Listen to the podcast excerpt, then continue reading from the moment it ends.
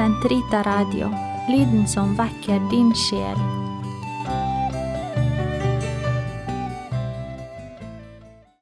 Den katolske kirkes katekisme, uke åtte, mandag, paragraf 134 til 143.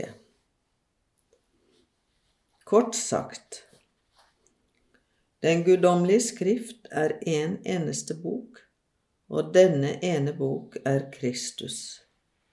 For hele den guddommelige skrift taler om Kristus, og hele den guddommelige skrift oppfylles i Kristus. De hellige skrifter inneholder Guds ord, og fordi de er inspirert, er de også virkelig Guds ord. Gud er opphav til Den hellige skrift ved å inspirere de menneskelige forfattere. Han handler i dem og gjennom dem.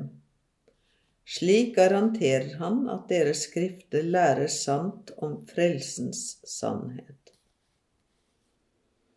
Tolkningen av de inspirerte skrifter må rette oppmerksomheten mot det som Gud ønsker å åpenbare til vår frelse gjennom de hellige forfattere.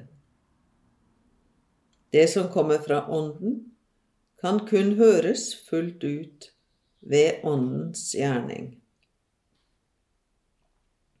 Kirken tar imot og ærer som inspirerte Det gamle testamentets 46 og Det nye testamentets 27 bøker.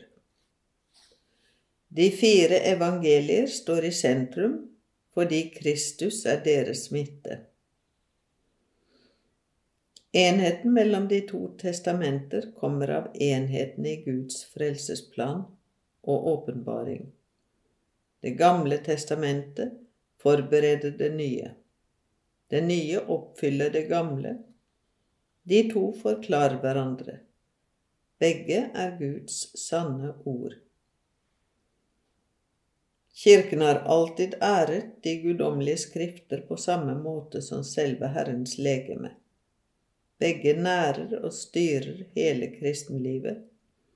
Ditt ord er en lykt for min fot, et lys på min vei. Tredje kapittel Mennesket gir Guds svar. Ved sin åpenbaring henvender den usynlige Gud ut fra sin kjærlighetsfylde seg til menneskene, som til sine venner, og søker omgang med dem. Det eneste fyldestgjørende svar på henvendelsen er tro. Ved troen underkaster mennesket Gud sin forstand og, og sin vilje. Med hele seg sier mennesket ja til Gud som åpenbarer seg. Den hellige skrift kaller menneskets gjensvar til Gud som åpenbarer troens lydighet.